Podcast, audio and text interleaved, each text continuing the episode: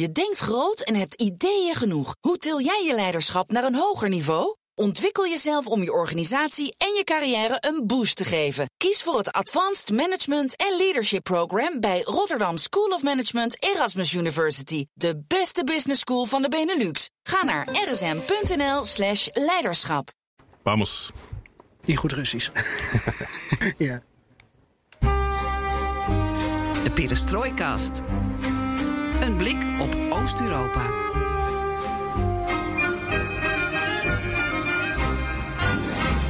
Welkom bij BNR Perestroikast, aflevering 81 van de enige podcast van Nederland die volledig oog voor het oosten geeft en heeft. Floris geniet nog van Zuid-Limburgse vlaaien. Maar dat betekent dat ik de eer heb om hier in de studio in Amsterdam een andere oud-Rusland-correspondent te mogen begroeten. Niemand minder dan Remco Rijding is deze keer mijn co-host. Dag Remco. Hi. Leuk dat je er bent. Ja, vind ik ook. Correspondent in Rusland, wanneer ook alweer? Ja, voor BNR Nieuwsradio onder meer van 2004 tot en met 2012. Dus ja, dat voelt alweer als een eeuwigheid geleden. Ja, je bent weer net zo lang terug als dat je weg was. Ja, ja bijzonder is dat. Ja. Hè? Ja. Tegelijk met Floris dan ook een paar jaar gezeten. ja, de laatste jaren tegelijk met Floris, dat klopt. Ja, Ja. ja. Was dat de reden dat je eerder vertrok? hij was er een dag en toen dacht ik, eh, nu is het tijd om te gaan. Ja, terug op een bekende plek voor jou, eh, geef je al aan. Eh, ook voor het Financiële Dagblad, onze buren, stukken geschreven. Ehm, nu sta je vooral bekend als directeur van stichting Sovjet Ereveld. Ja. Voorheen Russisch Ereveld. Ja. En Floris en ik hebben jou in mei 2019 opgezocht in Amersfoort, Leusden. Altijd een beetje twist wat Ja, het nou is. Maar op de grens. daar op de grens, langs de A28. Eh, toen hebben we bij de graven van allerlei onbekende soldaten eh, gestaan voor ons gesprek. Intussen hebben jij en de stichting niet stilgestaan. En je gaat ons zo uitgebreid bijpraten over de laatste onderzoeken, laatste ontwikkelingen. Maar waar we het ook over gaan hebben deze aflevering is vaccineren tegen corona. In Nederland is het tot opluchting van velen eindelijk begonnen. Weet jij al wanneer je aan de beurt bent? Nee, niet precies. Eh, mijn vriendin werkt in de zorg. Die heeft al eh, data geprikt. Dus die, die mag volgende week al een vaccin laten plaatsen. Ehm, ik eh, behoor wel tot de risi- risicogroep formeel.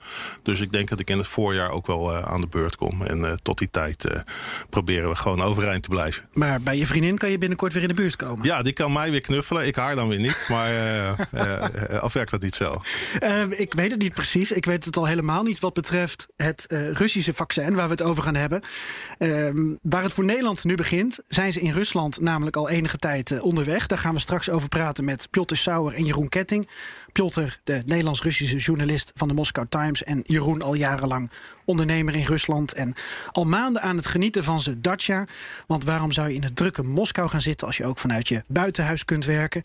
En Remco, met welke interesse kijk jij naar ja, wat, wat er nu gebeurt in Rusland en het coronavirus en de bestrijding ervan? Nou, ik heb natuurlijk nog, eh, nog, nog veel, eh, veel vrienden en bekenden in, eh, in Rusland. Ook, ook overigens heel veel nabestaanden van soldaten die natuurlijk daar wonen en die in een kwetsbare leeftijdsgroep zitten. Dus ja, wat dat betreft kijk ik natuurlijk met, met grote belangstelling naar de ontwikkelingen. Aan de andere kant eh behoorde bij het vertrekken uit Rusland als correspondent ook wat afstand nemen van de, de waan van de dag. Dus het is niet zo dat ik bovenop het nieuws zit en elk nieuwtje op dat vlak volg. Maar natuurlijk kijk ik wel met zorg naar ja, hoe, hoe het zich daar eh, afspeelt. Ja, ook interessant. Kijk, jij hebt natuurlijk nooit een pandemie meegemaakt. Eh, je bent nog niet zo oud dat je de Spaanse griep, eh, dat je daar herinneringen aan hebt. Maar Dankjewel. ja, eh, eh, ik ook niet. Maar Rusland en de zorg, eh, dat is natuurlijk altijd wel een interessant gegeven. Ik weet niet of je in die acht jaar tijd daar wel eens bij een dokter bent geweest of in een ziekenhuis bent Ja, zeker. geweest. Ja, ik heb zelfs in het ziekenhuis gelegen. En eh, wat mij er altijd is opgevallen, dat ze daar eh, eh, heel veel aandacht voor je hebben. Eh, sterker nog, als je op straat loopt zonder muts als volwassen kerel, dan word je aangesproken door, door oude vrouwtjes of je niet goed bij je hoofd bent en of je wel even heel snel je muts wil opzetten. En ik weet dat ik na een week ziekenhuis daar wel een beetje klaar mee was en eh, vond dat ik wel naar huis kon. Maar dat, dat vonden zij eigenlijk niet, dus ik moest er wel voor tekenen. Ehm, dus ik, ja, ik heb ik heb ook wel positieve ervaringen met de Russische zorg. Ze nemen wel elke, eh, elke verkoudheid bloedserieus. Ehm, aan de andere kant zijn er vast ook wat kanttekeningen te plaatsen... die eh, onze mensen in Moskou eh, straks met ons gaan delen. Ja, daar gaan we het zo zeker over hebben. Het dichtgooien van scholen hebben ze natuurlijk al wel vaker ervaring mee... als ze in de winter natuurlijk eh, griepvirussen hebben die de kop opsteken. We sluiten ook af met een mop van Joost Bosman. Heel benieuwd of Remco de humor van onze Joost begrijpt.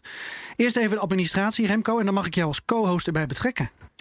Want je weet het inmiddels. Alles ten oosten van de rivier de Elbe kan de komende weken, maanden, jaren in deze podcast besproken worden. En wat leuk is, is dat we heel sociaal en democratisch zijn en dat je je ideeën kunt inbrengen via Twitter, perestrooikast of mail ons op perestrooikast.bnr.nl.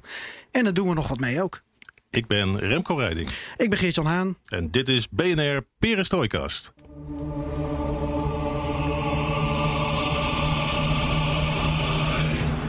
En een mooi saluut volgde na deze weergeloze inleiding, Remco. We doen altijd een nieuwsrondje. En met jou als co-host kan het niet anders dan dat we die tijd toch besteden aan de ontwikkelingen rond Sovjet-Ereveld. Je hebt uh, waarschijnlijk ook door de coronatijd ineens heel veel tijd gehad om allerlei onderzoeken te doen. Wie meer wil weten over de hele geschiedenis achter Ereveld, die kan aflevering 9 van de Perestrooikast terugluisteren. De adoptie van een Sovjetgraf. Toen Floris en ik dus bij jou waren en zo'n graf van een onbekende Oezbeekse soldaat hebben geadopteerd. Maar in het kort toch een paar zinnen dan over Sovjet-Ereveld, een erebegraafplaats en wat nog meer. Ja, op de grens van uh, Leusden in Amersfoort. Er liggen 865 oorlogsslachtoffers begraven. Uh, die in de Tweede Wereldoorlog uh, zijn omgekomen. hier aan het einde van de oorlog begraven lagen. voor een deel zijn ze in kamp Amersfoort terechtgekomen. 101 Oezbeken noemde je ze al. in elk geval voor het merendeel Oezbeken. die 101 liggen als onbekende begraven op het Sovjet-ereveld. En na de oorlog zijn er nog 764 andere bij geplaatst. Uh, het merendeel was krijgsgevangenen uh, in Duitse kampen en is uiteindelijk aan, aan ziekte overleden en herbegraven in, in Leusden op het nieuw aangelegde Sovjet-ereveld. Verzamelplaats voor oorlogsslachtoffers uit de Sovjet-Unie. En opgeteld kom je dan uit op 865 ja. soldaten? 865 in totaal. Via soldaten, kanonnenvlees was het ook voor een deel. Toch? Ja, er zijn meer dan 5 miljoen uh, Sovjet-soldaten naar verluid krijgsgevangen gemaakt. Exact weten we het nog altijd niet. En er zijn er ongeveer 3 miljoen in de Duitse kampen om het leven gekomen. En dan hebben we het alleen nog maar over de krijgsgevangenen. Natuurlijk is er aan het front zelf ook uh, zoveel gebeurd dat er ook miljoenen soldaten in de bossen uh, op de velden zijn gesneuveld. En ja. dat is natuurlijk nog altijd tot op de dag van vandaag enorm voelbaar in een land als Rusland. Zoveel oorlogsslachtoffers dat elke familie daar erdoor is geraakt. Ja, ik ben uh, thuis. Het is niet uh, de meest gezellige lectuur, maar het boek Leningrad aan het lezen van Anna Reid. Omdat het 80 jaar geleden is dat het beleg van Leningrad losbarstte. Wat ongelooflijk en onvoorstelbaar was. En waar, waar ja, je mag geen vergelijkingen maken, maar waar de huidige pandemie qua sterftecijfers niet mee te vergelijken valt ook. Dat zijn dingen die, die, die, die weten we ook helemaal niet zoveel. Hoe zit het dan met die Um, 865 soldaten die onder jouw stichting vallen, noem ik het maar even. Zijn al die graven inmiddels uh, geadopteerd? Hoe werkt dat precies? Nee, we zijn uh, tien jaar geleden begonnen met die uh, graven ter adoptie uit te geven. We, we, wilden dat alle 865 soldaten niet langer vergeten waren. En we zochten 865 mensen om één zo'n soldaat in nagedachtenis levend te houden. inmiddels zijn er ongeveer 600 geadopteerd. Dus dat is een, een prachtig resultaat. Um, te meer daar we daar 50 euro per jaar als donatie voor vragen. En dat geld besteden we weer aan uh, de opsporing van nabestaanden... en het organiseren van grafbezoek voor nabestaanden. Dus voor, voor een deel wordt die reis van, van kinderen van soldaten naar Nederland... waar ze voor het eerst het graf van hun vader kunnen bezoeken... door ons bekostigd, of beter gezegd, door jullie als adoptant ja. bekostigd. En, en dus zijn we natuurlijk enorm blij met 600 uh, adoptanten. Uh, niet weg dat er nog 265 soldaten te adopteren zijn. Uh, dus we hopen van harte dat we binnen niet al te lange tijd uh, alle soldaten een adoptant hebben kunnen geven. En ze allemaal niet langer vergeten zijn. En waar ben je afgelopen jaar mee bezig geweest? Ja, corona heeft natuurlijk ook voor ons best wel het een en ander veranderd. Uh, we hadden twee groepsreizen voor nabestaanden gepland staan... die we nu hebben verschoven naar, naar komend voorjaar... in de hoop dat het dan wel kan worden uh, uitgevoerd. We hadden natuurlijk allerlei herdenkingen die doorgaans druk bezocht worden... Die, die niet door konden gaan op de normale manier. maar dat creëerde ook wel weer extra ruimte voor, voor onderzoek onder meer. Dus ik heb me uh, volop gestort op een aantal uh, losse eindjes, uh, zou je kunnen zeggen. En dat heeft wel een tweetal heel erg grote ontdekkingen opgeleverd. Twee flinke doorbraken. Vertel. Nou, het eerste is dat uh, van meer dan 100 soldaten uh, gegevens uit krijgsgevangenschap uh, gevonden zijn. Dat zijn zogenaamde personaalkarten. Dus documenten waarop gegevens staan over waar en wanneer ze zijn krijgsgevangen genomen. Of ze gezond waren of gewond. waar ze naartoe zijn gestuurd. Wanneer ze daar terecht kwamen. Of ze ziek zijn geworden. Zelfs of ze ingeënt zijn. Nou, dat deden ze dus tijdens de oorlog ook. Alleen dat is hele niet. specifieke informatie. Ja, heel gedetailleerd. Dus dat, dat geeft veel meer inzicht in, in wat ze hebben hebben uh, doorstaan, wat ze hebben meegemaakt. Maar bovenal gaf het ook in een aantal gevallen nieuwe gegevens uh, over de identiteit van de soldaten. En dat heeft weer geleid tot uh, identificatie van een, een hele reeks soldaten. En de opsporing, succesvolle opsporing, van acht families. Waardoor acht families dit jaar, afgelopen jaar, te horen hebben gekregen dat hun vader, grootvader, oom niet langer vermist is, maar begraven ligt hier bij ons in, in Nederland. En hopelijk kunnen de nabestaanden ergens later dit jaar dan dat graf bezoeken. Ja, de, de groepsreizen worden, worden steeds uh, groter qua aantal uh, deelnemers. Uh, dat is dan misschien wel weer het voordeel. Organiseren moet je het toch, dan maar gelijk voor zoveel mogelijk, denk ik. dus er zijn zeker nabestaanden bij die, die pas gevonden zijn, die nu ook gaan komen. dus dat, ja, we hopen dat dat dit voorjaar succesvol kan, kan plaatsvinden. En anders ongetwijfeld in het najaar. En waar ben je nog meer mee bezig? Nou, de tweede doorbraak uh, betrof die 101 die in kamp Amersfoort gevangen hebben gezeten. Die dus als onbekende op het ereveld begraven liggen. Allemaal, tot op de dag van vandaag. Um, er zijn gegevens uh, gevonden in, uh, in Moskou. in het staatsarchief. Um, waarvan um, duidelijk is geworden dat het waarschijnlijk informatie geeft over de identiteit van vier of vijf van die soldaten. ook met adresgegevens erbij. Dus de de verwachting is dat we van een aantal soldaten uh, met aan zekerheid grenzende waarschijnlijkheid de identiteit kunnen vaststellen. En dat zou natuurlijk een enorme doorbraak zijn voor die groep waarmee alles is begonnen. Want zonder hen was het Sovjet-Ereveld er niet geweest. En het zou eindelijk die belangrijke groep, dat bijzondere verhaal van jongens die als levend propagandamateriaal hier naartoe zijn gestuurd. Als untermenschen tentoon zijn gesteld en, en hier beestachtig zijn uh, behandeld. Zou eindelijk dat verhaal een gezicht geven. En ja, we hopen dat dat gaat lukken. Um, we hadden het er net al even over. Uiteindelijk uh, zou daarvoor ook DNA waarschijnlijk uh, nodig zijn. Um, uh, als we al weten wie de jongens zijn, dan weten we natuurlijk nog niet wie precies en welk graf ligt. Dus we hopen dat uiteindelijk er genoeg gegevens zullen zijn om tot een besluit te komen om van alle 101 DNA af te nemen. In de hoop dat we dan kunnen vaststellen om wie het gaat. Ja. Ik wil jou nog wat vragen naar een ander initiatief dat ik las. Een uh, bezoekerscentrum bij de begraafplaats, begraafplaats met een mogelijkheid om het Oostfront uh, ja, virtueel te ervaren. Om eigenlijk als, uh, ja, ik zei het net al, als kanonnenvlees, kanonnenvoer te zien hoe dat in de jaren 40 ging. Hoe wil je zo'n bezoekerscentrum inrichten?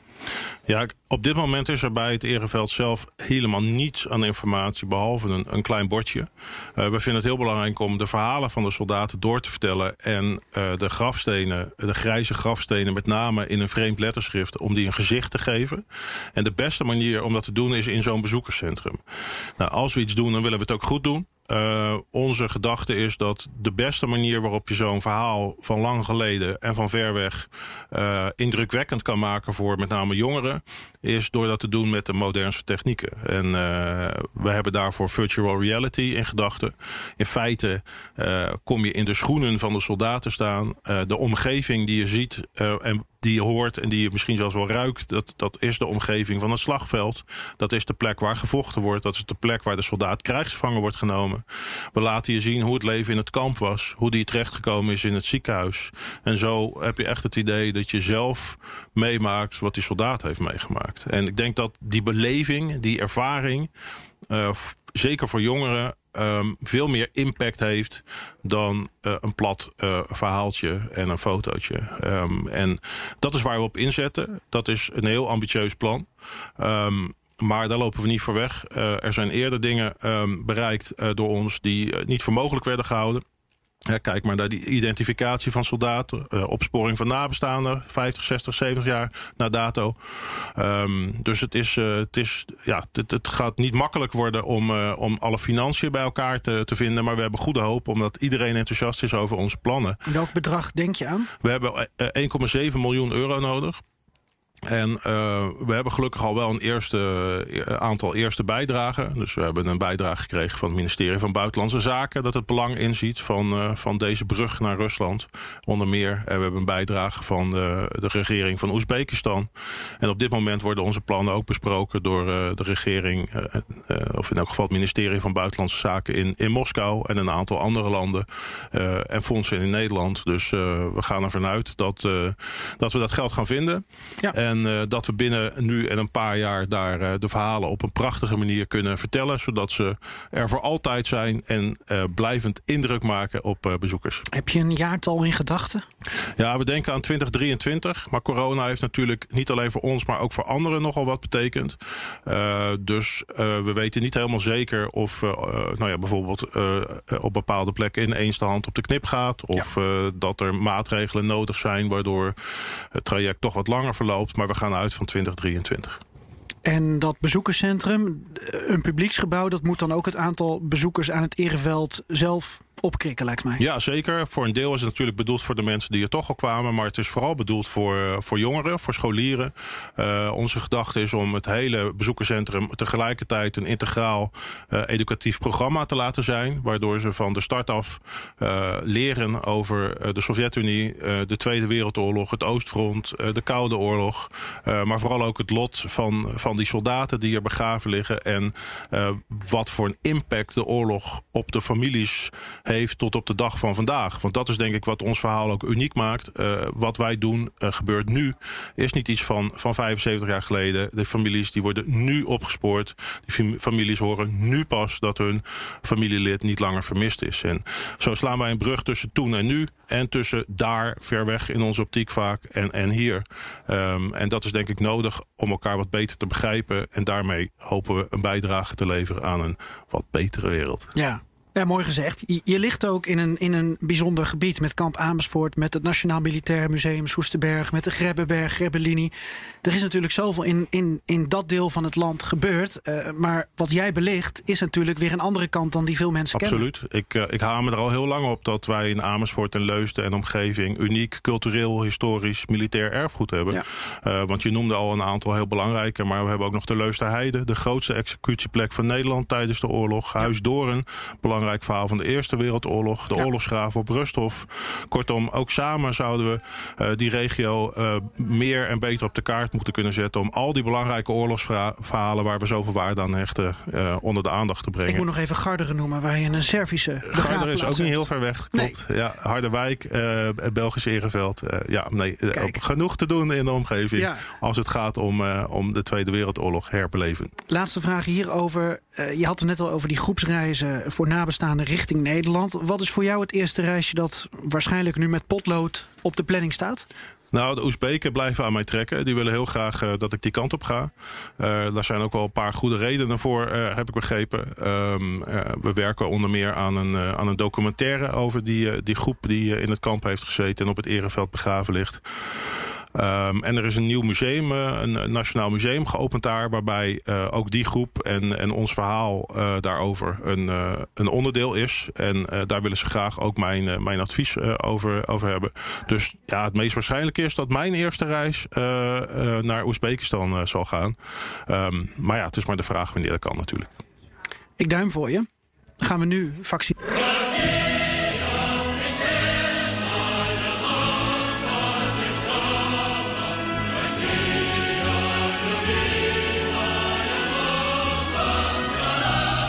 In Nederland is de eerste prik gezet.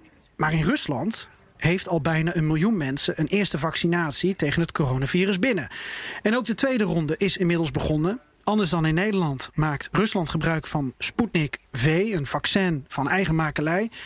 Waar internationaal wel wat sceptisch over is. Want is het wel veilig om te vaccineren met een middel waarvan de klinische studies misschien nog net niet helemaal zijn afgerond? Of, dat kan natuurlijk ook, gaan wij in Nederland er gewoon te veel van uit dat alleen West-Europese en Amerikaanse vaccins het juiste redmiddel zijn? En ook nog wel een belangrijke vraag: gaat absolute zekerheid boven snelheid, ook in een tijd waarin elke seconde kan tellen? We gaan er zo over praten met Piotr Sauer en met Jeroen Ketting. Maar eerst even wat de Belgische vicepremier Petra de Sutter deze week erover zei. Als je de procedure versnelt en dus shortcuts gaat gebruiken, um, dan ben je natuurlijk met minder zekerheid uh, gestart dat het vaccin effectief niet alleen ja. efficiënt, maar ook kwaliteitsvol en veilig is. Maar ondertussen dan, wel al een miljoen mensen geïnfecteerd. Ja, maar kijk, in Europa is men ervoor gekozen voor de zekere weg, ook om de kritiek uh, weg te vegen zeg maar, van mensen die zich ongerust maken omdat het te snel gaat en dus mogelijk een vaccin niet veilig zou zijn. We mogen niet vergeten dat mensen vertrouwen moeten hebben in de vaccins die er komen. En door de procedure correct te volgen, kan je dat vertrouwen hoog houden. Landen die dat minder gedaan hebben, en uh, niet alleen het Verenigd Koninkrijk, Israël, uiteraard ook Rusland, China en zo, mm -hmm. ja, die zijn mensen aan het vaccineren met vaccins die niet dezelfde standaard hebben ja. als degene die wij gebruiken. Ik denk dat dat een keuze is die de Europese Unie heeft gemaakt, waar we toch nog altijd achter moeten blijven staan. En ja, de Sutter, de Belgische vicepremier, die wat abrupt ophoudt, die vraagt zich dus af of Rusland, maar ook China, het Verenigd Koninkrijk en Israël er wel goed aan doen om met lagere standaarden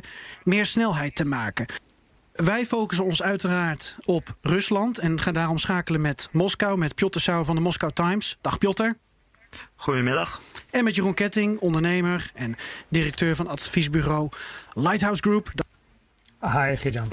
En naast mij dus uh, Remco, uh, Remco Rijding, acht jaar lang correspondent in Rusland. En ik ga toch met een vraag aan Remco beginnen. En die ga ik aan het eind van het gesprek toch nog een keer stellen. Wij in Nederland uh, gebruiken vaccins van uh, BioNTech Pfizer. Uh, Moderna komt eraan. AstraZeneca, Janssen, Sanofi. Maar wat als jij, Remco, het Sputnik-vaccin zou krijgen? Zou je dat dan nemen of niet? Laat ik het zo zeggen. Ik verkeer sinds acht jaar in de blije omstandigheid dat ik die keuze niet hoef te maken. Uh, want ik krijg hier in Nederland iets ingespoten. Waarvan we natuurlijk als niet-experts ook helemaal niet begrijpen hoe dat allemaal precies zit. Um, maar uiteindelijk vind ik dat geldt voor welk vaccin dan ook. Um, moet je toch ergens op vertrouwen. Uh, de experts hebben zich hierover gebogen. Ik, ik ga niet uh, uh, me voordoen als een expert op dat vlak. Ik ga ervan uit dat het goed is. En natuurlijk moeten we daar kritische vragen over stellen. Maar ik denk dat in het groepsbelang het belangrijk is dat zoveel mogelijk mensen dat vaccin nemen. En dat ga ik dus doen. En dat zou ik dan waarschijnlijk toch ook wel hebben gedaan met Sputnik V. Piotr, hoe zit het bij jou? Ja, ik ben het mee eens. Ik, uh, we hebben natuurlijk veel minder informatie nog steeds over de Sputnik-vaccin dan we over de westerse vaccins hebben. Sputnik heeft bijvoorbeeld uh, de uitgebreide fase 3 resultaten nog niet gepubliceerd. Maar toch, wat we zien is veelbelovend. Uh, en, we, en, ik zou hem ook nemen, ja. Het zijn er twee hè, die je dan laat zetten. Ja, ja, het zijn twee fases. Een beetje, ja, je kan het vergelijken met wat je in Europa ziet. Heb je al een uitnodiging gehad? Uh, dus eigenlijk buitenlandse journalisten mogen het uh, al een paar weken doen. En eigenlijk bijna, bijna alle collega's uh, in de grote buitenlandse kranten hebben het al gedaan. hier in Moskou. dus ja, ik, kan het, ik denk dat ik het volgende week ga doen. Ja. Waarom mogen journalisten eerst? Niet, niet eerst nou, voor? Eerst mochten artsen en medici. Uh, toen mochten mensen die werken voor grote staatsbedrijven, ook in banken en, en journalisten. Oké, okay. dus Rusland vindt ja, journalisten heel erg belangrijk. Ja, precies. Okay. Ja. Dat is ook voor het eerst. Ja, ja, ja maar, maar vooral was ook om te doen om dat, zodat staatsjournalisten zo'n prikje konden krijgen en erover begonnen te schrijven. Ja. Om ook om natuurlijk de vertrouwen een beetje naar boven te brengen. Kijk. Heeft het ook te maken met dat het vaccin voor uh, mensen van 60 jaar en ouder pas later is uh, goedgekeurd? Ja, dat heeft daar ook mee te maken natuurlijk. We hebben gezien in sommige landen uh, hebben ze besloten om eerst de ouderen uh, de vaccin te geven. In Rusland, omdat ze ook niet genoeg informatie hadden over wat de vaccin doet met ouderen, hebben ze pas vorige week uh, besloten dat ook ouderen het mogen nemen. natuurlijk, de, de, Russische president die 68 is, die heeft, heeft het nog niet genomen. hij heeft toen gezegd dat hij het nog niet mag nemen. Nu mag hij het wel nemen, Poetin, maar dat heeft nog niet besloten om te doen. Maar uh, ja, zoals je zei, omdat ouderen het nog niet mochten doen, hadden ze uh, besloten om het aan anderen te geven. Ja. Jeroen, hoe zit het bij jou? Nou ja, ik denk dat ik het ook wel doe. Uh, alleen ik uh, behoor niet tot een van de categorieën die, um, uh, die nu op het lijstje staan om het, om het vaccin te krijgen. En dan is het waarschijnlijk ook lastig om het, om het te krijgen. Dus ik denk tegen de tijd dat, dat ik aan de beurt ben, en dat is over een aantal maanden, dan zijn één de resultaten van Sputnik V-vaccin al, al duidelijker. En Rusland is nog, als ik me niet vergis, drie andere vaccins aan het ontwikkelen, waarvan eentje nog samen met de Chinezen. En ook ehm, is Rusland bezig om het uh, AstraZeneca-vaccin naar, uh, naar Rusland te brengen. Ja. Dus ik denk dat ik uh, ergens eind van de lente, begin van de zomer, een, een grote keus, een, een, menukaart van vaccins voor me heb. En dan laat ik er gerust eentje zetten. Ja. Jij zit niet voor niks in je Dacia. Het gaat erg slecht met de coronacijfers in, in, in Rusland. waarom dan toch een hele lichte twijfel? Een, twijfel over het vaccin? Ja. Ja, nou ja, kijk, het is, is, uh, dat is dezelfde twijfel die ook alle, alle westerse en ook veel Russische medici en, uh, en, en academici hebben. Uh, het is natuurlijk heel snel ontwikkeld. Rusland staat niet echt bekend als een land dat ehm, goed is in het ontwikkelen van, van vaccins en ook, ook van medicijnen. De farmaceutische industrie hier is, uh, is een stuk minder ontwikkeld dan en loopt achter ten opzichte van de farmaceutische industrie in het Westen. Dus. Um, ja, ik denk dat de meeste mensen, en ook de mensen die, die zich met uh, Sputnik V in laten prikken, Um, dat die wel ook, ook, wel enige twijfel hebben. 60% van de Russen um, die zou het, uh, het vaccin zelfs niet willen als ze het uh, gratis toegediend zouden krijgen.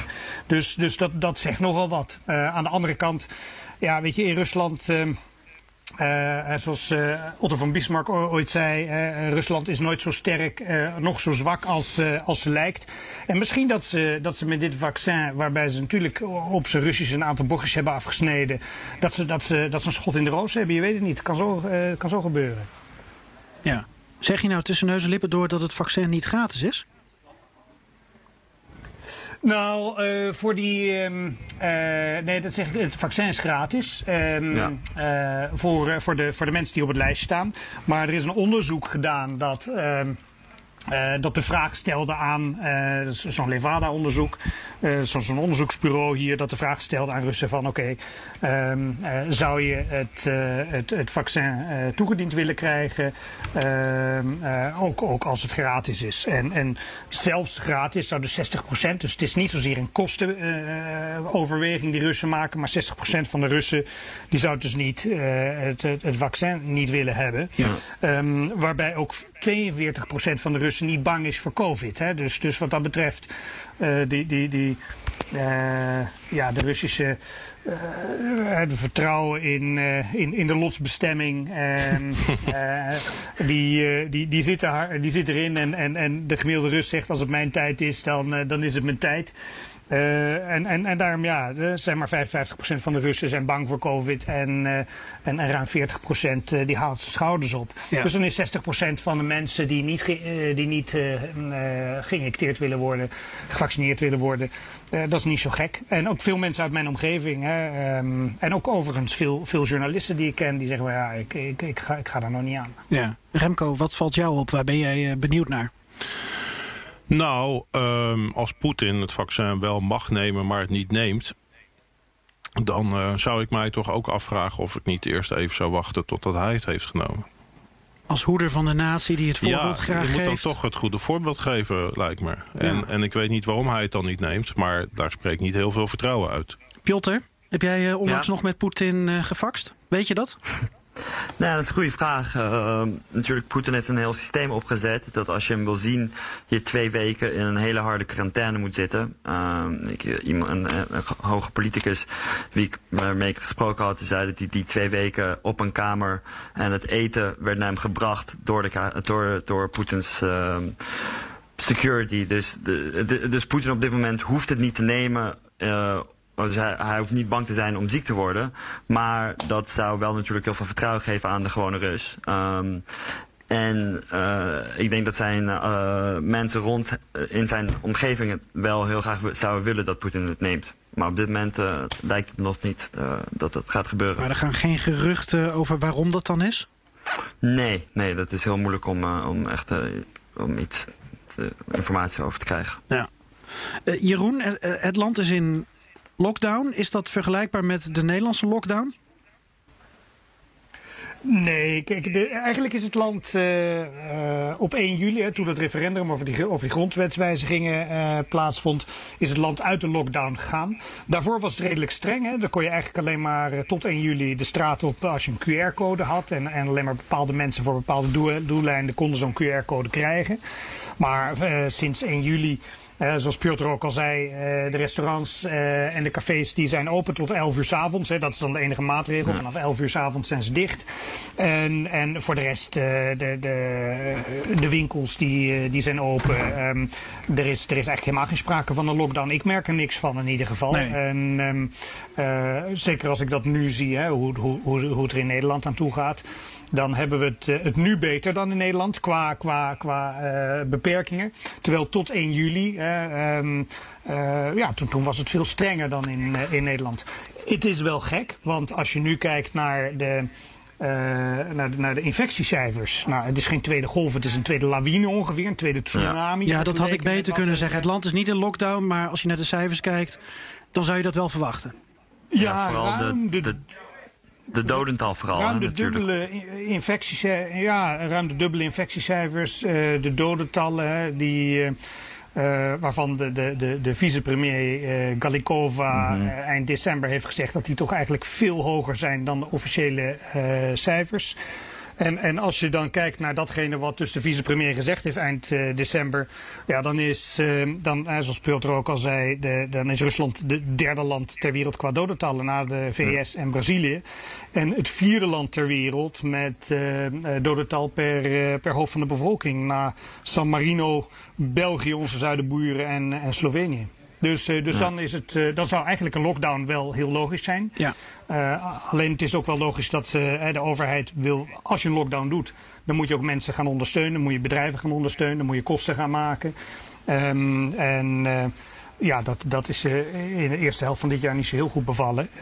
dus, dus ik denk dat ze het nu maar gewoon een beetje uh, laten gaan. En, en hopen dat we nu een plateau hebben bereikt. Nou, als je kijkt naar de, naar de statistieken, voor wat die waard zijn dan zie je dat we ook wel in een soort plateau terecht zijn. Ja, daar, daar heb ik zo nog wel een vraag over. Ik zie Remco hier in de studio uh, notities maken. Wat staat er? Nou, ik, ik vind het uh, wel interessant om te weten wat, wat dit demografisch voor Rusland betekent. Want uh, uh, Poetin en zijn regering maken zich al langer druk om het afnemende bevolkingsaantal. En hebben allerlei acties bedacht om dat te veranderen. Dit lijkt me dan een, een demografische ramp. Of zie ik dat verkeerd? Piotr? Nee, dat is, dat is zeker ook. De, dit jaar wordt uh, echt helemaal heel dramatisch qua uh, ook, maar, ook fertility natuurlijk. Er worden minder mensen geboren dit jaar. Maar ook met corona. De, de excess death is niet normaal hoog. Zoals je kunt zeggen, 100 80.000 mensen zijn gestorven aan COVID. Uh, en de, economisch is, het op, op dit moment niet heel sterk. Dus daarom gaan mensen ook natuurlijk mi minder uh, plannen bouwen en kleine gezinnen hebben. Um, dus dat is zeker iets uh, waar, waar, waar, ze hopen dat de vaccin hier aan een einde gaat maken. Maar eigenlijk, we zitten in een, een rare situatie waar, omdat er geen lockdown is, het leven eigenlijk doorgaat. Ja. En wat ik in mijn onderzoek zie, is dat voor de Russen de vaccin niet heel belangrijk is, omdat ja, ze, ze, hebben ook een beetje een fatalistische mentaliteit. Het leven gaat gewoon door. Uh, er is geen lockdown. De vaccin gaat niet heel veel verandering inbrengen. Jouw leven ook gaat ook gewoon door, toch, Piotr? Jij voetbalt. Ik voetbal, ik ga, ik ga niet uit. Ik, ga, ik blijf zoveel mogelijk thuis. Ik, ik, ik, weet wat, wat COVID kan doen, ook met jongeren. Maar ik kijk gewoon naar mijn vrienden en die denken van... ja, ik kan die vaccin nemen en iets riskeren... of ik kan niet de vaccin nemen, maar mijn leven gaat niet, honderd, niet heel veranderen. Er is ook echt, echt sprake van een kleine groepsimmuniteit. Uh, vooral in Moskou. Heel veel van mijn mensen, van mijn vrienden, collega's... die hebben COVID gehad. Dat, natuurlijk in een half jaar gaat die immuniteit weer weg. Dus op sommige je... kantoren, bij sommige bedrijven of in sommige wijken heb je een soort van groepsimmuniteit. Ja, dat zou ik zeggen. Ik, mijn voetbalteam, 15 jongens, uh, 10 hadden COVID gehad. ja, dan dus heb je groepsimmuniteit, ja. eh, dat gaat natuurlijk weg. Eh, maar wat ik bedoel is dat, dat eh, je voelt niet een, een drang naar die vaccins, zoals je dat wel in Europa, om weer terug naar, naar normaliteit. En nog één ding wat Jeroen zei, dat ehm, omdat juist eh, de, de vaccin vrij is, is eigenlijk heb je zo'n rare situatie dat, dat mensen denken van het, dit kan niet goed zijn. Het is snel gemaakt door de Russen en het is nog vrij. Uh, dus uh, je hebt uh, een, een zo'n fundamentale wantrouwen van, van alles dat, dat te makkelijk verkrijgbaar is. Ja. We moeten het nog even over die statistieken hebben. Mm-hmm. Ruslandkenner Egbert Hartman die heeft op Twitter de, de sterftecijfers eens op een, een rij gezet. daar viel hem iets aan op. Hij schrijft, ik citeer, sinds half november zijn de Moscovieten zo gedisciplineerd... dat het aantal covid-doden onder hen consequent en gehoorzaam tussen de 71 en 78 ligt. En niet één keer twee dagen na elkaar hetzelfde aantal. Kijk, en dan uh, schrijft hij Moskouse covid-doden sinds 15 november. 75, 72, 74, 76, 73, 77, 74, 75, 71. En dan kan ik doorgaan verder in november, verder in december. 76, 75, 72, 73, 71, 76. Oud-correspondent Remco Rijding. Uh, dit zijn vrij Russische cijfers. Ja. Uh, of zegt dit niks? Nou ja, tuurlijk zegt het iets. Het zegt iets over de betrouwbaarheid van bepaalde statistieken, lijkt me. Ja. Zijn dit, zijn dit de goede statistieken? Ik vertrouw normaal Egbert altijd wel in, in wat hij... Ja, ik hoor Piotr net heel iets anders uh, zeggen over dat er, dat er half december door een minister al, al is uh, kenbaar gemaakt dat het, dat het uh, sterfte, aantal, aantal sterfgevallen veel hoger ligt dan eerder gedacht. Door de oversterfte. Ja, ja. Als, je, ja. als je elke keer 75, 72, 74 noteert, terwijl het in werkelijkheid 2, 3, 400 zijn, ja, dan, dan kom je tot die conclusie dus uiteindelijk. Dan, dan kom je met die, die 71 tot 78 doden per dag als, als, als geregistreerde coronadoden. En dan kom je één keer met een slechte boodschap met een enorme oversterfte. En dan is dat publicitair misschien handiger. Ja, je kunt je ja, ook afvragen. En die neem je, en die neem je die neem je dan niet in de officiële statiek, statistiek uiteindelijk ja, mee. Dus ze ja. hebben er zeg maar nu, nu even de pijn genomen. Hè? Um, want zo'n zo'n zo'n vicepremier die komt niet zomaar op eigen initiatief met, uh, met zo'n verhaal. En, um, en dan kunnen we verder gewoon weer met, uh, met statistieken zoals ze zijn. Maar je moet ook uh, Rusland begrijpen als land. Hè. We hebben natuurlijk allemaal op de middelbare school geleerd over de Sovjet-planeconomie. nou, die planeconomie die, die, die, die is er nog steeds, maar er is ook een planmaatschappij. Hè. Dus, dus um, uh, medische instellingen, uh, uh, ziekenhuizen, ga zo maar door, die hebben allemaal doelen die ze moeten halen. Hè? Dus, dus, dus Ja. kwantitatieve en kwalitatieve doelen. En dat betekent dus dat, dat op het moment dat ze zeggen van oké, dit is het getal wat je moet hebben aan, aan, aan COVID-sterfte. ja, dan, dan, dan zeggen die artsen ook van oké, dan is deze meneer of mevrouw niet aan COVID overleden, maar aan hart- en vaatziekten. hè, Wat een van de grootste eh, redenen van, van sterfte in Rusland eh, is. Ja. Eh, en daarbij zie je ook dat, dat een heleboel van de, van de COVID-sterftegevallen. Ehm, die worden niet, er wordt geen autopsie op gedaan. Dus, dus eh, er wordt niet uiteindelijk achteraf gekeken van was het, was het COVID. Maar als iemand dan aan hartfalen is overleden, dan zeggen ze gewoon, nou, dan gooien we maar op hartfalen. Dus het is, je, moet, je moet begrijpen dat dit een planmaatschappij is. eh, die, die, die, eh, het ministerie van, van, van Gezondheidszorg en de, en de ziekenhuizen en de artsen, die hebben allemaal hun lijstjes waar ze aan moeten voldoen. En dat doen ze dus ook. Maar om de reële situatie te bekijken, moet je naar, maar gewoon naar, naar, naar het echte leven kijken. En dan zie je dat de, de ziekenhuizen al maandenlang eh, eh, chockvol zitten. Dan zie je de, de rijen met ambulances voor de, voor de ziekenhuizen. Dan zie je foto's van ziekenhuizen waar eh, stapelbedden met, met drie bedden boven elkaar eh, op ziekenzalen staan. Waar, waar, waar zieken in, ehm, eh, in gangen liggen op, ehm, op stretchers en dergelijke. En dan zie je wel dat. Eh, de situatie in Rusland gewoon, gewoon ernstig is. En dan, ja, dan moet je je, je gewoon je schouders ophalen als je naar die, ehm, eh, Ja. die officiële statistische cijfers kijkt. Ja, laat mij één opmerking maken. En dan ga ik naar de nieuwste notitie van, van Remco. Want het is natuurlijk wel zo, vanaf maart eh, zagen we in België, in Engeland... eh, dat de cijfers eh, ja, eh, flink geïnterpreteerd werden. Dat daar eh, flink wat coronadoden waren. Ehm, dat dat eh, enorm verschilde met Nederland... waar misschien ook op een andere manier geteld werd. Eh, Jeroen geeft ook aan als mensen overleden zijn aan, aan, aan onderliggend lijden... of aan een andere ziektes, dat je dat ook op een bepaalde manier kan, kan opschrijven. En dus het is ook niet zo dat Rusland, Rusland is Rusland. Maar andere landen hebben ook op een bepaalde manier natuurlijk dit geïnterpreteerd. Want iedereen gaat hier voor het eerst mee om. En dat valt dan wel op. Dus laten we niet doen alsof wij uh, dan zo'n lage oversterfte hebben. Want dat hebben we helaas niet. Dat gezegd hebben de uh, Remco, wat zijn jouw nieuwste notities? Nou ja, dat zijn natuurlijk de getallen die je met elkaar moet vergelijken. Uh, ervan uitgaande dat je die statistieken dan wel zou moeten kunnen vertrouwen. Um, maar ik herken het wel, want ook met de persvrijheid uh, is, is een tijd geleden hetzelfde gebeurd, uh, denk ik. Uh, het zogenaamde, de zogenaamde zelfcensuur. De overheid zei helemaal niet wat je wel en niet moet schrijven. Maar journalisten gingen bepaalde dingen wel of niet schrijven. En dat geldt, geldt denk ik hier ook. dat heel veel, zeker ambtenaren, passen zich aan aan wat ze denken dat van bovenaf wordt verwacht. En of dat nou echt zo is of niet, dat is hoe de realiteit daar in elkaar zitten. En dat is voor Nederlanders denk ik heel erg lastig te begrijpen. Ja. Piotr, onderschrijf je dat? Ja, nee, wij, van het begin bij de Moscow Times begonnen wij deze cijfers te, waar we echt, echt weten wat er echt aan de hand was. We begonnen lijken, lijkenhuizen te bellen, lokale klinieken te bellen en die, die vertelden een heel ander verhaal. Uh, dat zij zei dat tien mensen aan COVID zijn verleden alleen in hun ziekenhuis, zeg maar in Chelyabinsk. En dan krijg je voor de hele regio Chelyabinsk vijf uh, doden. Dus het was van het begin werden de lokale overheden gestimuleerd om zo, la zo mo laag mogelijk de cijfers te publiceren. Maar natuurlijk met de oversterfte komt dat allemaal naar buiten. En dat zien we nu met die 186.000 doden.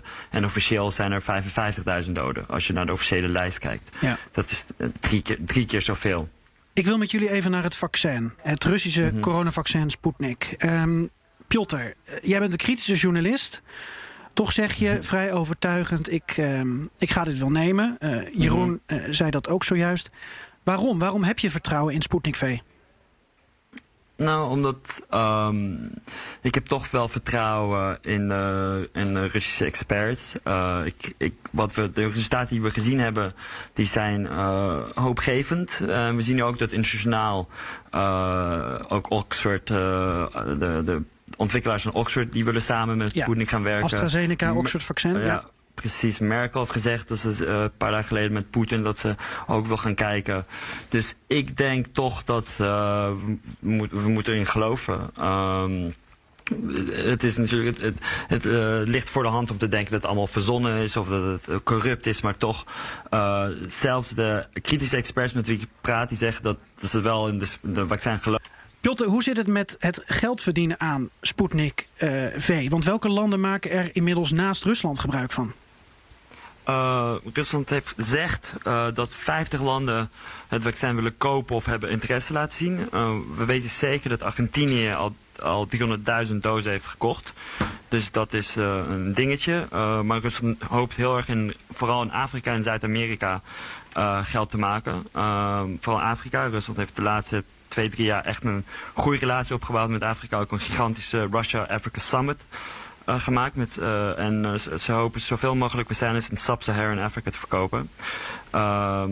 Ook omdat je, krijgt, je krijgt niet alleen maar vaccinen, maar je krijgt ook politieke support van Rusland. Mm -hmm. dus voor Rusland is dit ook een business natuurlijk. En dat is heel belangrijk om dat, uh, dat in achterhoofd te houden. Ja, nou daarover gesproken, want onze buitenlandcommentator Bernard Hammelburg... die, die, die vroeg ja. aan mij of ik deze vraag jullie wilde stellen. Namelijk dat Sputnik goed verkoopt in de, in de, in de derde wereld, in de voormalige ja. Sovjet-Unie, maar ook Venezuela. Um, ja. Dat is wel iets anders dan, dan olie, gas en Kalashnikovs. En waarom gaat Sputnik niet naar de, de, de ontwikkelde landen, de eerste wereldlanden? Is het gewoon dan toch net niet goed genoeg of zijn wij gewoon niet goed snik? Ik denk dat het natuurlijk ook een, een groot politieke dingetje is. Uh, Hongarije wou de vaccin hebben. Ja. Toen kreeg, kreeg hij vrij veel kritiek. Um, Servië gaat, gaat wel de vaccin gebruiken. Maar natuurlijk voor, om, voor Europese landen om dan te kiezen voor de Russische vaccin... wanneer je Europese en Amerikaanse vaccin hebt... dat, is, dat, is wel een, dat zou raar uitzien, imago. Uh, dat zou natuurlijk een heel groot imago-winst zijn voor Rusland. Dus politiek speelt zeker een rol hier. Zelfs als de Sputnik de beste vaccin ooit zou zijn... Uh, met 99% uh, effectie. Toch zou uh, Europa denk ik toch voor een eigen vaccins kiezen natuurlijk. Vooral ja. op dit moment ligt het heel gevoelig allemaal. En wat, wat is het, het plan nu, uh, Piotr? Wanneer moet het merendeel van de Russen gevaccineerd zijn? Wat wordt erover gezegd? Uh, dat, is een, dat is ook een probleempje. Natuurlijk, uh, Rusland heeft gisteren of vandaag gezegd dat een miljoen. Sorry, ze hebben vandaag gezegd dus dat een miljoen mensen zijn gevaccineerd. Maar die informatie is niet, uh, hebben, hebben journalisten nog niet kunnen zien zelf. Uh, in Moskou per 1 januari waren 50.000 mensen ge gevaccineerd. Dus we hebben onze vraagjes hoe, hoe, waar die miljoen vandaan komt. Of uh, hoe snel dat allemaal echt gaat. We weten met de dode uh, aantallen en met de infectieaantallen dat het daarmee wel gesjoemeld was. Ja. dus of die miljoen nou echt blijkt, of dit alleen maar een, een beetje een propaganda dingetje is, dat moeten we de komende tijden zien. Russen zelf zijn sceptisch, zoals al eerder werd gezegd. Dit programma, meerderheid zien, willen die vaccin eigenlijk niet. Uh, sommige leraren en artsen die, uh, die hebben eigenlijk geen keus. Uh, die, ja. of, of je krijgt die vaccin of je moet weg. ik denk dat er ook veel meer gaat gebeuren bij de, bij de grote staatsoverheid, bedrijven, et cetera. Ja. ja. Dus dat is nog wel een prangende vraag dan, dan voor jou aan de Russische overheid. Jeroen, wanneer kom jij eigenlijk weer uit je dacha tevoorschijn? Wat, wat moet er dan gebeurd zijn?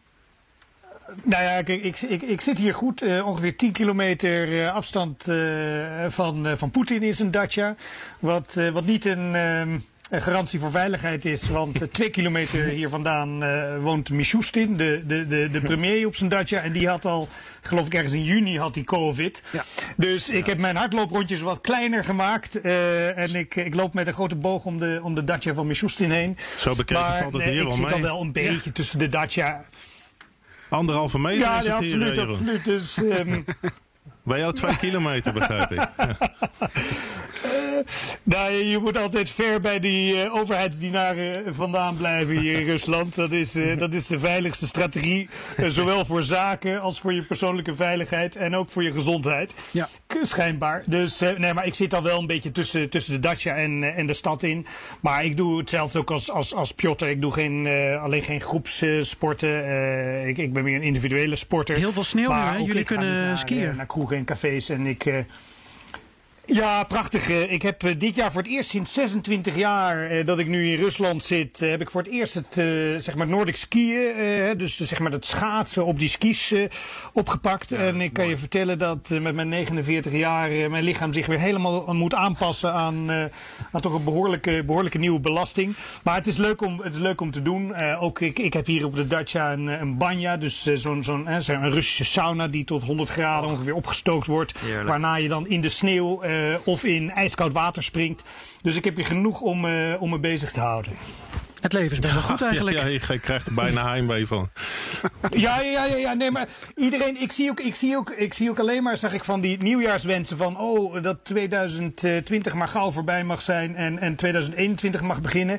Ja, ik zit daar heel anders in. Uh, ik heb een prima 2020 gehad. Ook zakelijk ging het goed, omdat wij natuurlijk nu, nu dat Nederlandse bedrijven niet meer kunnen reizen naar Rusland, uh, hebben wij voor hen hier... Uh, ja, wij moesten de, brains en de boots on the ground zijn, uh, zoals, ik het, uh, zoals ik het altijd zeg. Dus we hebben druk gehad dit jaar.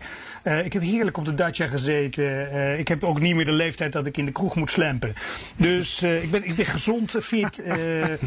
s ochtends met mijn koffietje kijk ik naar de vogeltjes. Ik maak zelf vetbolletjes met vogelzaad. Die hangen overal in de tuin om me heen. Dus ik, uh, ik ben ook nog een vogelaar geworden. Wow. Dus, dus nee, ik, uh, ik heb een prima Leven herinnering corona, aan ik hoor het al. Je leert jezelf kennen in Ja. deze tijd. Ongelooflijk. Remco, eh, aan jou toch dan weer de vraag met deze informatie. Zou je je laten inenten met het Russische coronavaccin Sputnik? Absoluut eh, de dag nadat Poetin het heeft genomen. Goed antwoord. Dank jullie wel. Eh, Jeroen Ketting, ondernemer in Rusland, directeur van eh, adviesbureau Lighthouse Group. Dat zeg ik goed toch, Jeroen? Graag gedaan. Ja, ik, ik, doe, het Ja, even, ik doe het even uit mijn, uit mijn hoofd. Heb ik het opgeschreven. Ik heb je zo vaak gesproken dat ik je bedrijf uit mijn hoofd ken. Heel goed. En dankjewel Piotr Sauer, journalist voor de. Moscow Times. Ja, eh, Remco en ik gaan eh, straks nog even luisteren naar de Job Mop. Naar de Job. De Job is wat anders in het Russisch. Eh, we gaan straks nog even luisteren naar de. Dat moet je niet zeggen in het Russisch. ja. Oh, nou krijg ik voor straf een vaccin. Ehm, we gaan straks nog even luisteren naar de mop van Joost Bosman, want die hangt nog niet. Ehm, ik ga jullie in ieder geval bedanken en ik sluit even af met ehm, ja, een, een, een WhatsAppje dat ik de afgelopen maanden telkens heb gekregen over het Russische coronavaccin. Het is mij gelukt om via via een Russisch vaccin te krijgen tegen COVID-19 en voor diegene van jullie die bang is dat het niet getest is. Ja heb het geprop ERD en kan met een G-Ruski hartzet EGG dat er geen effectoski secundarioski zijn. Меня зовут Лопес Обрадор, и я коррумпированный лжец, и почему я даю чистые прямые награды. Hebben jullie hem gezien? Ja, die ken ik. Ja, hè? Ja, iedereen is ineens Ja, eh, gezien, de, de baas van Mexico geworden dankzij het Russische vaccin, Lopez Obrador. Inderdaad. Hey, jullie zijn er nog, dankjewel. Ehm eh we, kunnen, we kunnen blijkbaar nog langer doorgaan. Ik weet niet of er Remco nog één vraag. Nou, eh, waar ik me wel vreselijk aan stoor al de hele uitzending... eh, en misschien dat Piotr daar ook over kan meepraten... is dat vreselijke Zenit Sint-Petersburg petje op jouw hoofd. Dat kunnen de luisteraars natuurlijk niet, niet horen. Ja, die heb ik op, dat weten zij Ja, ook niet ja. inderdaad. Ja. Maar ik weet niet of Piotr daar nog iets aan toe te voegen heeft als Moscoviet. Ja, ik ben natuurlijk een eh, Spartak-fan. eh, Het team van de, van de volk. En Precies. Zenit is natuurlijk het team van de, van de overheid nu. Van, eh, van Ja. het geld van Gazprom. Dus daar ben ik niet heel blij mee. Nee, nee, dus we zitten hier gewoon met de ambtenaar Geert-Jan eh, te praten. Ja. Sini Bieli Galuboy. ja, ik vind, ik vind het shirt zo mooi. En ik vind de, de petjes zo mooi. En het oude stadion vond ik zo mooi. Dus ik ben een beetje voor die charmes gevallen. Maar dat is ook ontstaan in de tijd dat ik daar studeerde. Met, met advocaat en Hiddink. Dus ik was ook een beetje een meeloop Nederlander wat dat betreft. Maar eh, waar, waar ben jij dan van? Maar je weet wat het mooiste is van Sint-Petersburg, Petersburg, toch? Eh. De eerste trein naar Moskou. zeg het maar niet tegen meneer Waterdrinker, denk ik. dus ehm, hey, dank jullie wel. En eh, fijne tijd daar. Ja, dankjewel. Oké, graag eh, gedaan. Hoi. Ja, dank je. Groetjes. Joost heeft altijd problemen met zijn, met zijn lijn. Dus ik hoop dat hij nu via zijn... Ja. Oh, maar er is hij hoor. Ja hoor, daar zijn Bosman. Daar. Товарищ Рейдинг. Как дела? Нормально, спасибо. Давно не говорили. Да, да, да, ты вообще э, прекрасно говоришь по-русски сейчас. Да, ну не лучше тебе. Ну, не знаю, не, не знаю, у меня мало практики. Нет. Ну да, конечно, ну особенно поэтому. Ты, ты то- тоже прекрасно что говоришь. Ну, спасибо. Ik wil de, de tortelduifjes eh, die elkaar eh, complimenten geven over eh, hun Russische taalgebruik niet onderbreken, maar ik doe het toch. Joost, je bent er. Ja, ja, Wat fijn. Hoe gaat het met je? Ja. goed hoor, dank je. Ik zit eh, ja, weer een beetje binnen, want eh, het gaat hier met de corona nog niet zo goed. Ofschoon de ehm, laatste dagen de, de aanwas van nieuwe gevallen per dag eh, wel aanzienlijk daalt. Het was vorige week nog 30.000 per dag. Dat was echt de tak, de, de, de piek. En nu eh, zitten we ongeveer eh, langzaamaan weer op 24.000. Dus nog niet eh, onaanzienlijk, maar het gaat in ieder geval naar beneden. Het is volgens mij de derde keer in een uur dat ik andere cijfers hoor. Ook dat is Rusland waarschijnlijk. Ja, ja, ja. Nou ja, dat, dat kan ook ik zijn. En in- inmiddels, terwijl we dit, eh, dit bespreken, zijn het er 25.000 geworden. Of 25.000. Ik zei gisteren. Ze- 26 nu. Ja, ik zie de teller oplopen. Het gaat weer een beetje omhoog. Oh jee, nou ja. Heb jij al een eh, uitnodiging gehad voor het vaccin? Want ik begreep van, eh van Piotr Sauer dat eh, ja, journalisten eh, vitaal, eh, zeker eh, van de staatspersbureaus natuurlijk, maar ehm, hoe staat het met jou? Ben jij vitaal? Eh, ik ben ja, redelijk vitaal, denk ik. Eh punt is alleen, het hangt er vanaf welke journalisten vragen natuurlijk. Hè? Ik bedoel, ik heb geen uitnodiging gehad en dat, eh, nou ja, zou maar één ding kunnen betekenen misschien. Hè? Dat ze mm, niet om jou geven. Bingo. Of dat ze zelfs van me af willen. Zeg, ehm, eh, eh, Remco die, die heeft natuurlijk gevoel voor humor. Grote Ja, vraag is of hij gevoel voor jouw humor heeft. Ik weet niet, eh, zijn, de, zijn de verwachtingen hoog gespannen? Ja, de verwachtingen zijn wel hoog gespannen. Ik denk dat het. eh, ik verwacht iets heel erg flauws en daar hou ik wel van. Want een avondje in de, in de kroeg met Joost, wat, eh, wat kan dat opleveren? Eh, dronkenschap. Ja. Stagna- Stagnakeldronkenschap, ja, ja, ja. Wat voor, eh, wat voor mop heb je voor ons in, eh, in En, petto? en een eh? virus natuurlijk, en- en- als je niet ingeënt is. Ja. Ja, ja, ja. Ja, deze dagen wel. Nou, mop, ik heb, ik heb, ik heb, ik heb gezocht op coronamoppen weer. eh, Of, of in ieder geval Sputnik 5 moppen, want daar ging je het over hebben, begreep ik vandaag. Is het nou Sputnik 5 of Sputnik V? Ik weet het. Ja, Inmiddels ook het niet is meer? volgens mij de, de, de Romeinse V, denk ik. En daarom vijf, maar ik weet het niet zeker. Ehm, moet ik opzoeken. Nee, ik, ik kwam alleen maar hele flauwe moppen tegen, dus daar wou ik maar niet aan beginnen.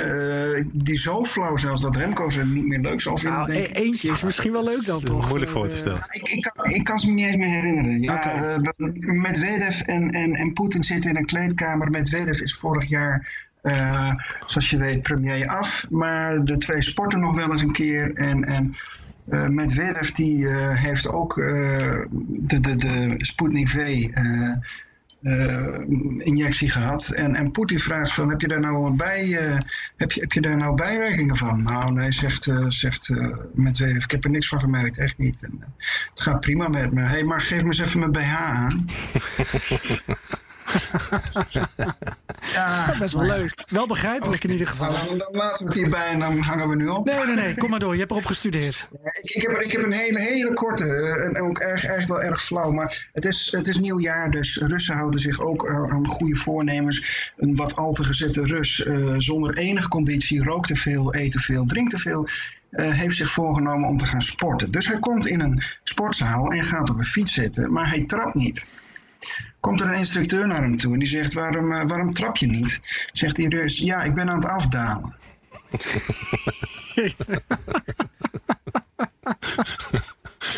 Ik, ik zag hem niet aankomen, daarom is hij eigenlijk wel leuk.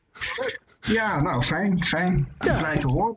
Jullie snappen me een keer. Misschien is dat omdat Floris er niet bij zit. Nou ja, ik moet bekennen dat de, de moppen eh, van de recente uitzendingen waar ik geen onderdeel van was, die begreep ik allemaal. Die vond ik erg geestig.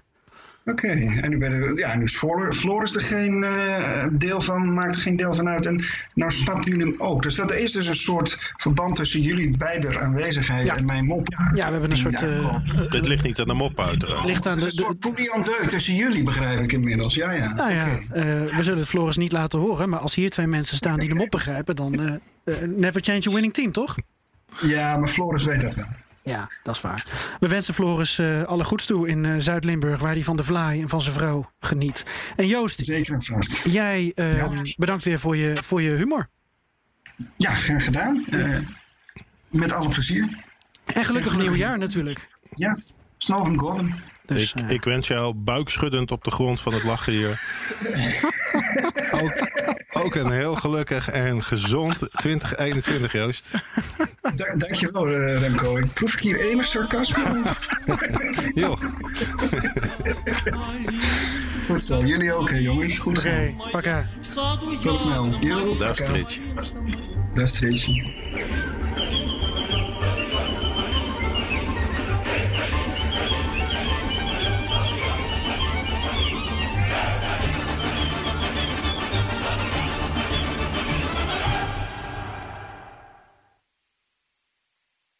Je denkt groot en hebt ideeën genoeg. Hoe til jij je leiderschap naar een hoger niveau? Ontwikkel jezelf om je organisatie en je carrière een boost te geven. Kies voor het Advanced Management en Leadership Program bij Rotterdam School of Management Erasmus University. De beste business school van de Benelux. Ga naar rsm.nl slash leiderschap.